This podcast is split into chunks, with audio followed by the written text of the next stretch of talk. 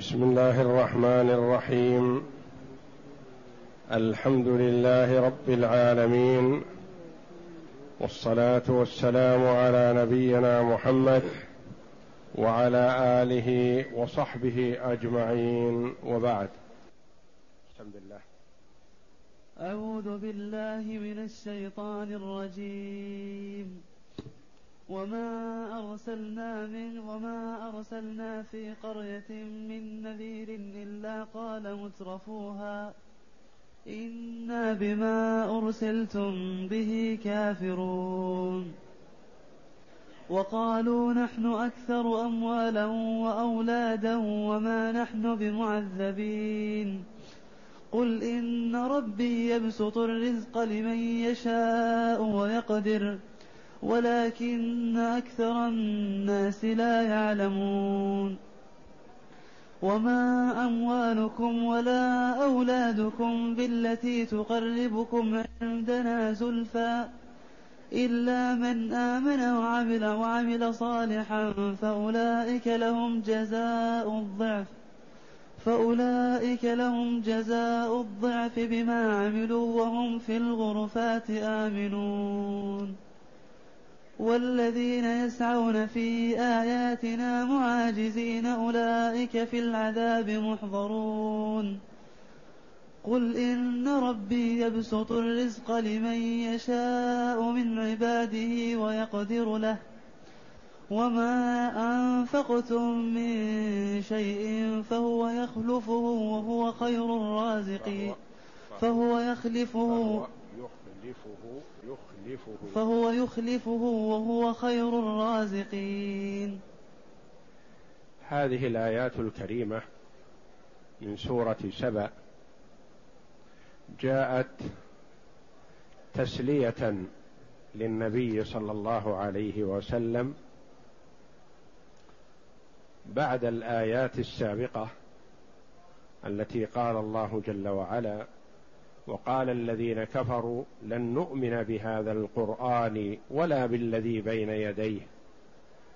ثم بين جل وعلا بعد ذلك حالهم في عرصات القيامة. والمشادة التي تحصل بينهم والمجادلة فيما بينهم كل يرمي باللائمة على صاحبه. بين جل وعلا في هذه الآيات أن سنته جل وعلا جرت في خلقه أن الكبراء والرؤساء والقادة في الضلال والشقاوة والكفر هم دائما الذين يقفون في وجه الدعوة إلى الله جل وعلا. سنته في ذلك جل وعلا في القديم والحديث. فمن يقف في وجه الرسل القدامى إلا الكبرى والزعماء فكذلك وقوفهم في وجه الدعوة المحمدية. كبراء قريش وصناديدهم وعظماؤهم وقفوا في وجه الدعوة المحمدية. وردوا دعوة الرسول صلى الله عليه وسلم استكبارا وعنادا وحسدا منهم. يقول الله جل وعلا وما أرسلنا في قرية من نذير. يعني ليس هذا في قومك يا محمد فقط بل ما أرسلنا في قرية بلدة مسكونة من نذير يعم الرسول والنبي لأن النبي ينذر والرسول ينذر. من نذير إلا قال مترفوها. يعني الذين أترفوا في النعمة أنعم الله عليهم بالمال والرئاسة والصحة والولد فصاروا كبراء في قومهم. إلا قال مترفوها إنا بما أرسلتم به كافرون. يعني بلا مجاملة ولا تلطف في الجواب. بل عدم مبالاة. يقولون ما جئت به يا محمد نحن كفار به لن نقبله أبدا. فيقول الله جل وعلا ليس هذا في قومك يا محمد بل في الأمم السابقة. وهذه سنة الله في خلقه. كما قال الله جل وعلا عن قوم نوح الذي هو أول رسول أرسله الله جل وعلا إلى أهل الأرض. وما نراك اتبعك إلا الذين هم أراذلنا. قالوا أنؤمن لك واتبعك الأرذلون. يعني هؤلاء الكبراء ردوا الدعوة تعاظما وتكابرا وقالوا ما تبعك إلا الفقراء. وكذلك قال قوم صالح فيما بينهم قال الكبرى للذين استضعفوا لمن آمن منهم أتعلمون أن صالحا مرسل من ربه؟ قالوا إنا بما أرسل به مؤمنون. يعني قال ذلك الضعفاء. قال الذين استكبروا إنا بالذي آمنتم به كافرون. لن نقبله. وقال الله جل وعلا وكذلك فتنا بعضهم ببعض ليقولوا أهؤلاء من الله عليهم من بيننا؟ يقول الله جل وعلا أليس الله بأعلم بالشاكرين؟ وقال تعالى وكذلك جعلنا في كل قرية أكابر مجرميها ليمكروا فيها وما يمكرون إلا بأنفسهم. وقال تعالى وإذا أردنا أن نهلك قرية أمرنا متر فيها ففسقوا فيها فحق عليها القول فدمرناها تدميرا. فسنة الله في خلقه أتباع الرسل هم الضعفاء والفقراء والمساكين.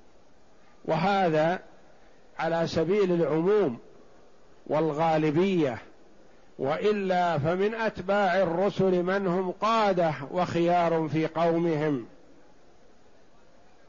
كأبي بكر الصديق رضي الله عنه وعمر الفاروق وعثمان وعلي رضي الله عنهم وأرضاهم كانوا من أشراف الناس ومن كبرائهم رضي الله عنهم وأرضاهم. لكن جل أتباع المصطفى صلى الله عليه وسلم وغيره من النبيين من الفقراء. وهذه سنة الله المعروفة التي عرفها الناس من ذلك كسرى حينما جاءه كتاب النبي صلى الله عليه وسلم يدعوه إلى الإسلام سأل من يوجد من ها هنا من أقرباء صاحب هذا الكتاب؟ فذكر له أبو سفيان فاستدعاه وسأله أسئلة عديدة ليتعرف على حال صاحب هذا الكتاب الذي هو المصطفى صلى الله عليه وسلم. ومن ضمن أسئلته قال هل يتبعه أشراف الناس أم ضعفاؤهم؟ فرح بها أبو سفيان لأنه كان في تلك الحال ضد النبي صلى الله عليه وسلم. فقال بل الضعفاء الأشراف لا يقبلون. فعرف بذلك كسرى أن المصطفى صلى الله عليه وسلم صادق في دعوته لأنه عرف أن سنة الله جل وعلا في خلقه أن الضعفاء والفقراء هم أتباع الرسل صلوات الله وسلامه عليه وليس كسرى وإنما هو هرقل ملك الروم. وروى ابن أبي حاتم رحمه الله عن علي بن الحسين عن هارون بن إسحاق يوصله إلى أبي رزين قال كان رجلان شريكان من أهل مكة. خرج أحدهما إلى الساحل وبقي الآخر في مكة. فلما بعث النبي صلى الله عليه وسلم كتب صاحب الساحل إلى صاحبه يسأله ما فعل؟ فكتب إليه أنه لم يتبعه أحد من قريش إنما اتبعه أراذل الناس ومساكينهم يعني الفقراء. قال فترك تجارته في الساحل ثم أتى صاحبه وقال دلني عليه يعني على الرسول صلى الله عليه وسلم. وكان هذا الرجل يقرأ في الكتب السابقة. قال فأتى النبي صلى الله عليه وسلم فقال إلى ما تدعو؟ تدعو إلى ماذا؟ فقال له النبي صلى الله عليه وسلم إلى كذا وكذا يعني إفراد الله جل وعلا بالعبادة. قال أشهد أنك رسول الله. قال وما علمك بذلك؟ قال إنه لم يبعث الله نبيا إلا اتبعه.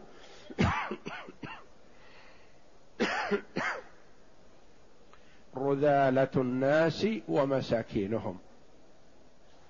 قال فنزلت هذه الآية وما أرسلنا في قرية من نذير إلا قال مترفوها. أنا بما ارسلتم به كافرون الآيات قال فأرسل إليه النبي صلى الله عليه وسلم ان الله قد انزل تصديق ما قلت. يعني هذه سنة الله في خلقه. وقالوا نحن أكثر اموالا وأولادا وما نحن بمعذبين. يعني من رد الكبرى في الشرك من رد الكبرى المتغطرسين الظالمين على الرسول صلى الله عليه وسلم ومن معه من الصحابة الفقراء رضي الله عنهم. قالوا نحن أكثر اموالا وأولادا. استدلوا على فضلهم بما أعطوا من الدنيا. والله جل وعلا يعطي الدنيا من يحب ومن لا يحب. يعطي الدنيا من يحب ومن لا يحب. ويحرم الدنيا ممن يح... عن من يحب ومن لا يحب. فليس عطاؤه جل وعلا من الدنيا دليل على المحبة أو التفضيل. أو القرب لديه جل وعلا. وهؤلاء استدلوا بما أعطوا من الدنيا على أنهم إن كان هناك بعث وجنة ونار فإنهم سيفضلون على غيرهم كما فضلوا في الدنيا. هم لا يؤمنون بالبعث ولا بالجنة ولا بالنار لكن على سبيل الفرض إن كان هناك شيء يقولون فنحن فضلنا عليكم في الدنيا وسنفضل عليكم فيما بعد.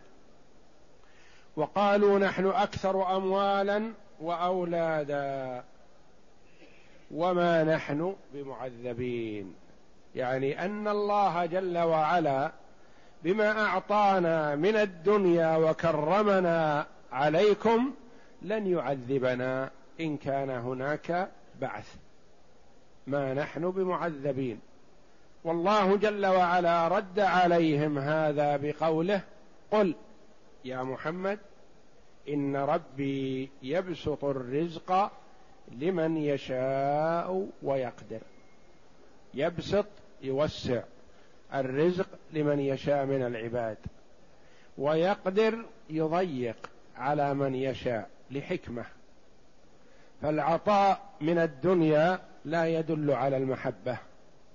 كما أن العطاء من الدنيا لا يدل على البغض والكراهية. والحرمان من الدنيا لا يدل على الكراهية. كما أن الحرمان من الدنيا لا يدل على المحبة. فقد يحرم من الدنيا البر ويحرم من الدنيا الفاجر. ويعطى من الدنيا البر ويعطى من الدنيا الفاجر.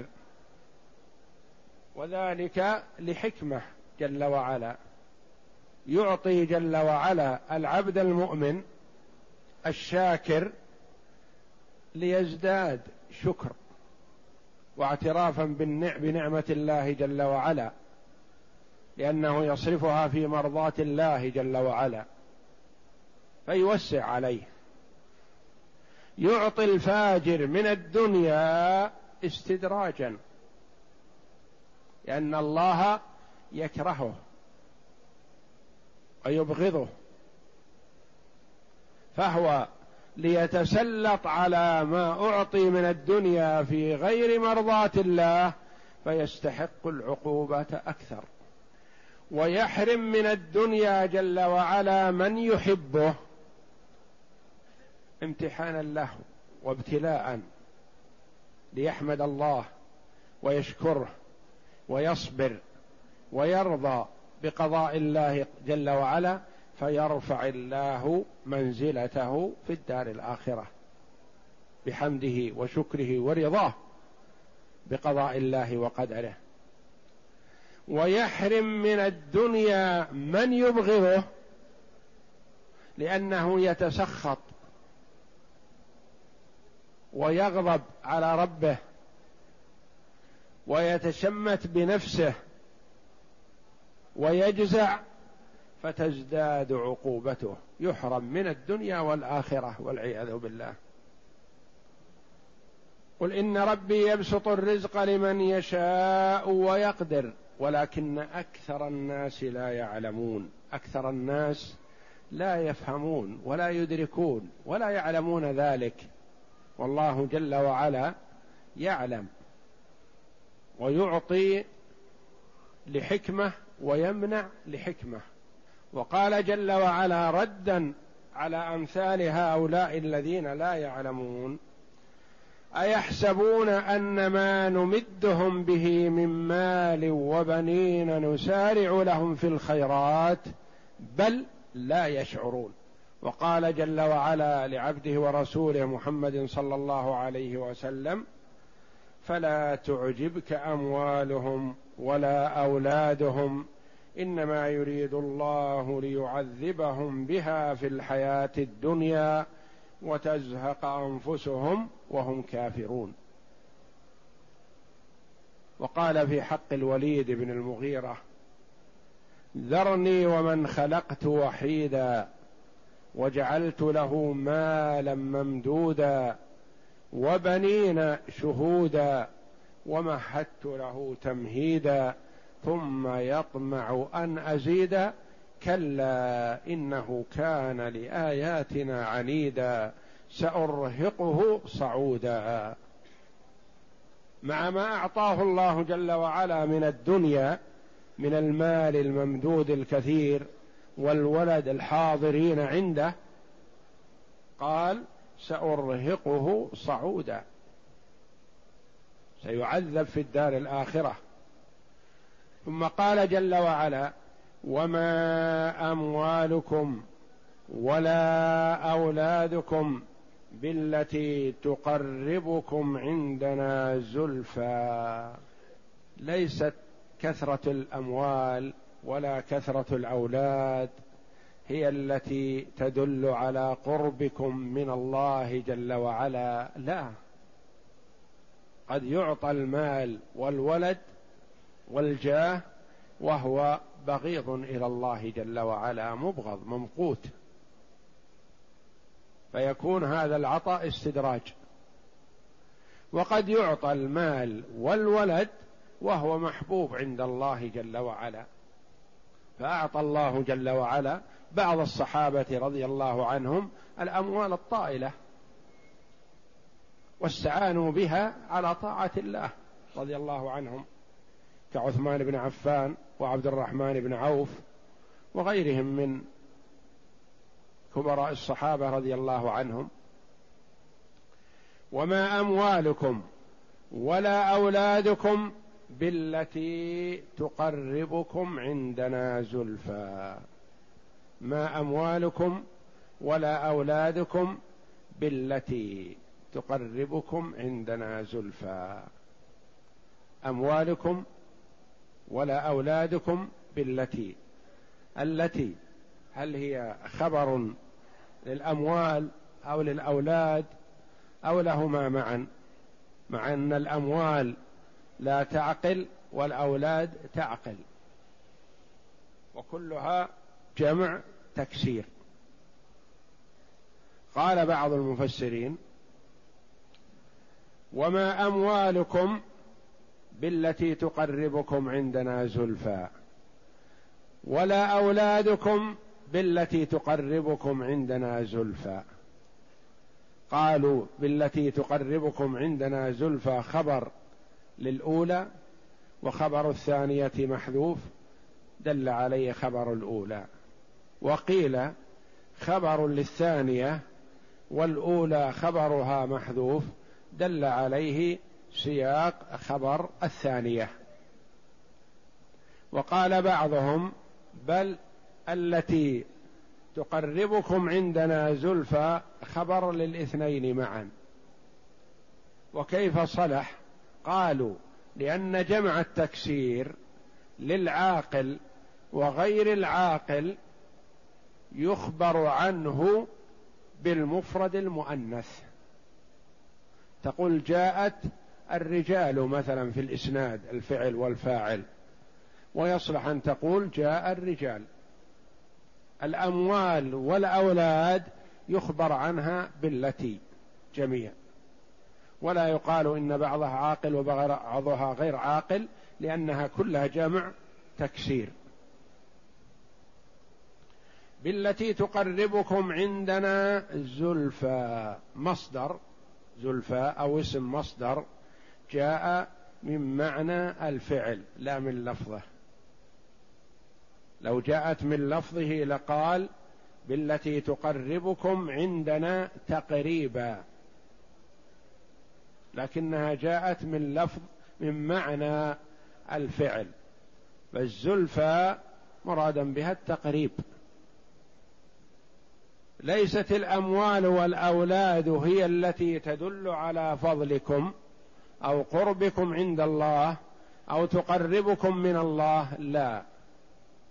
وإنما ما هو الذي يقرب من الله جل وعلا؟ قال إلا من آمن وعمل صالحا. الإيمان والعمل الصالح.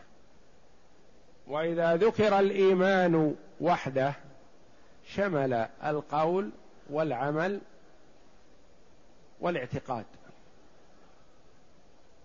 وإذا ذكر العمل الصالح فكذلك. العمل الصالح عمل القلب وعمل اللسان وعمل الجوارح. وإذا ذكرا معا فالمراد بالإيمان عمل القلب الاعتقاد. والعمل الصالح يصدقه يصدق ما في القلب الذي هو عمل الجوارح. إلا من آمن وعمل صالحا. بعض الجهال يقول التقوى في القلب وأنا مؤمن ومخلص وصادق في قلبي. يقال له صل يقول لا هذه مظاهر والإخلاص في القلب.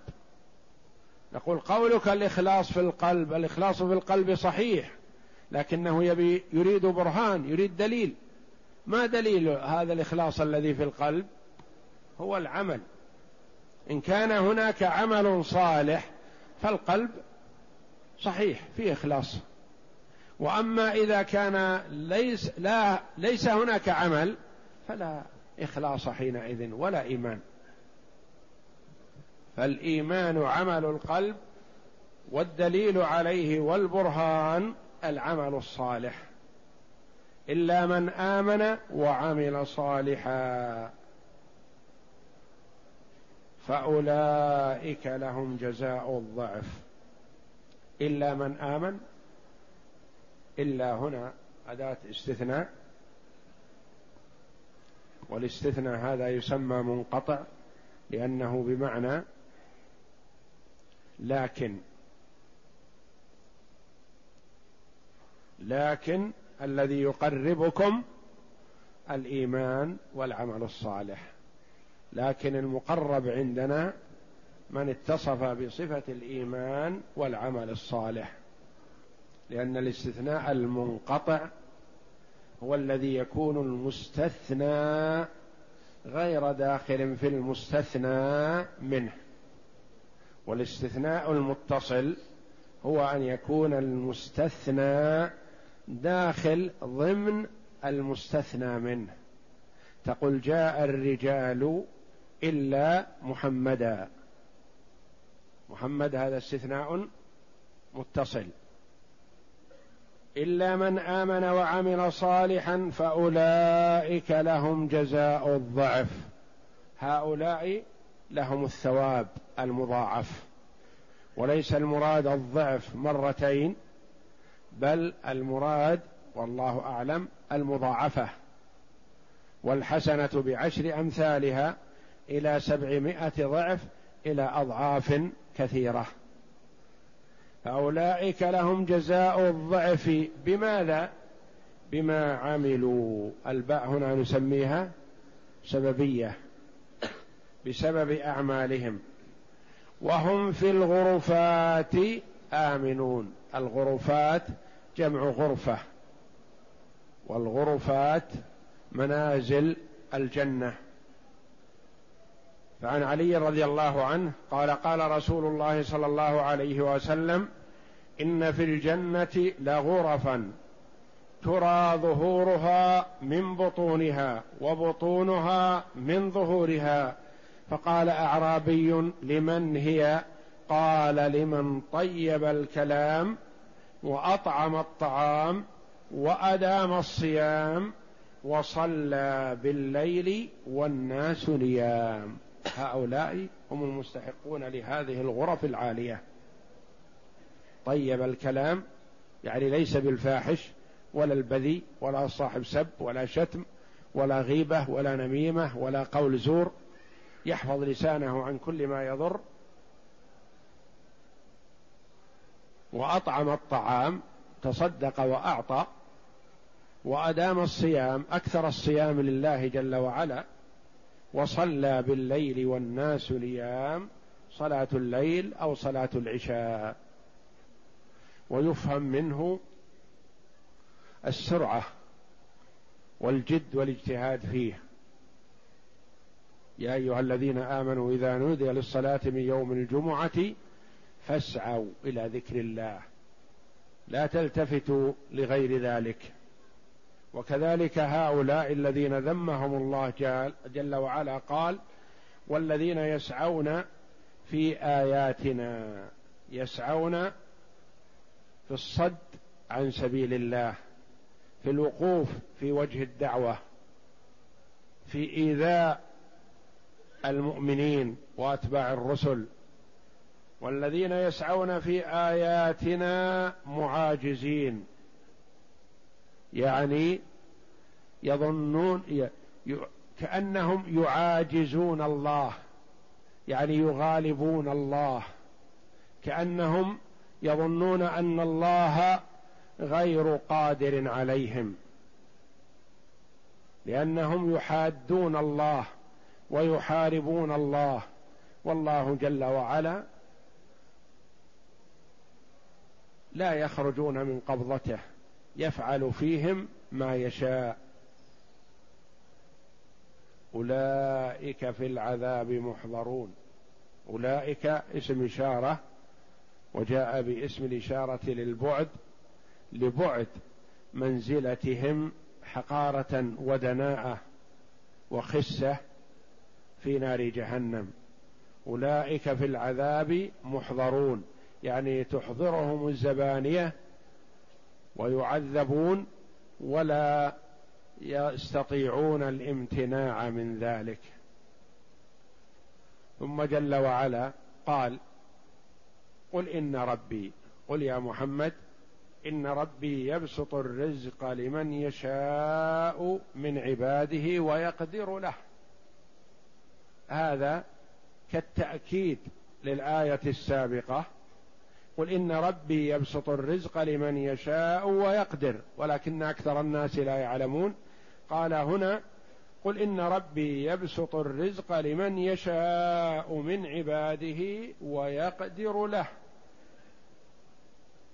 ليرتب عليه جل وعلا وما أنفقتم من شيء فهو يخلفه.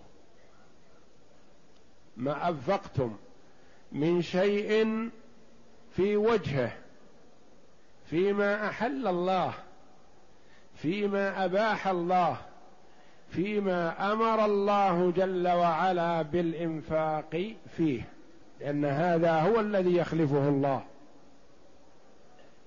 فالمرء إذا أنفق فيما أحل الله وفي مرضاه الله مهما أنفق فالله جل وعلا وعده بالخلف. وما أنفقتم من شيء قليل أو كثير. قال بعض المفسرين لا إسراف في الإنفاق في وجوه البر. مهما أنفق الإنسان في وجوه البر ولو خرج من ماله كله لا يقال إنه أسرف. والنبي صلى الله عليه وسلم لما حث على الصدقة جاء أبو بكر رضي الله عنه بكل ما يملك بكل ماله وجاء عمر رضي الله عنه بنصف ماله. فلا إسراف في الإنفاق في سبيل الله وما أنفق في سبيل الله وفي مرضاه الله فالله جل وعلا يخلفه. وما أنفقه المرء في المباح لنفسه ولمن تحت يده فالله جل وعلا يخلفه عليه كذلك.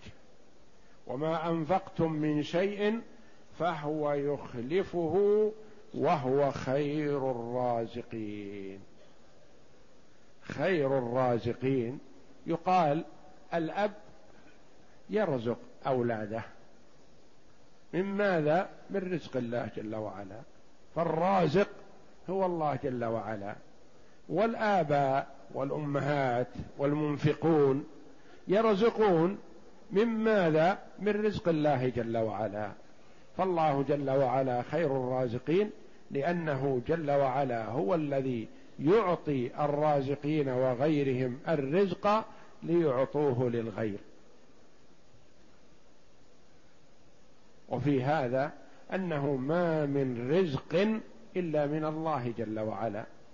لا يأتي الرزق من غيره فهو الرازق جل وعلا وهو خير الرازقين سبحانه وتعالى والله أعلم وصلى الله وسلم وبارك على عبده ورسول نبينا محمد وعلى آله وصحبه أجمعين.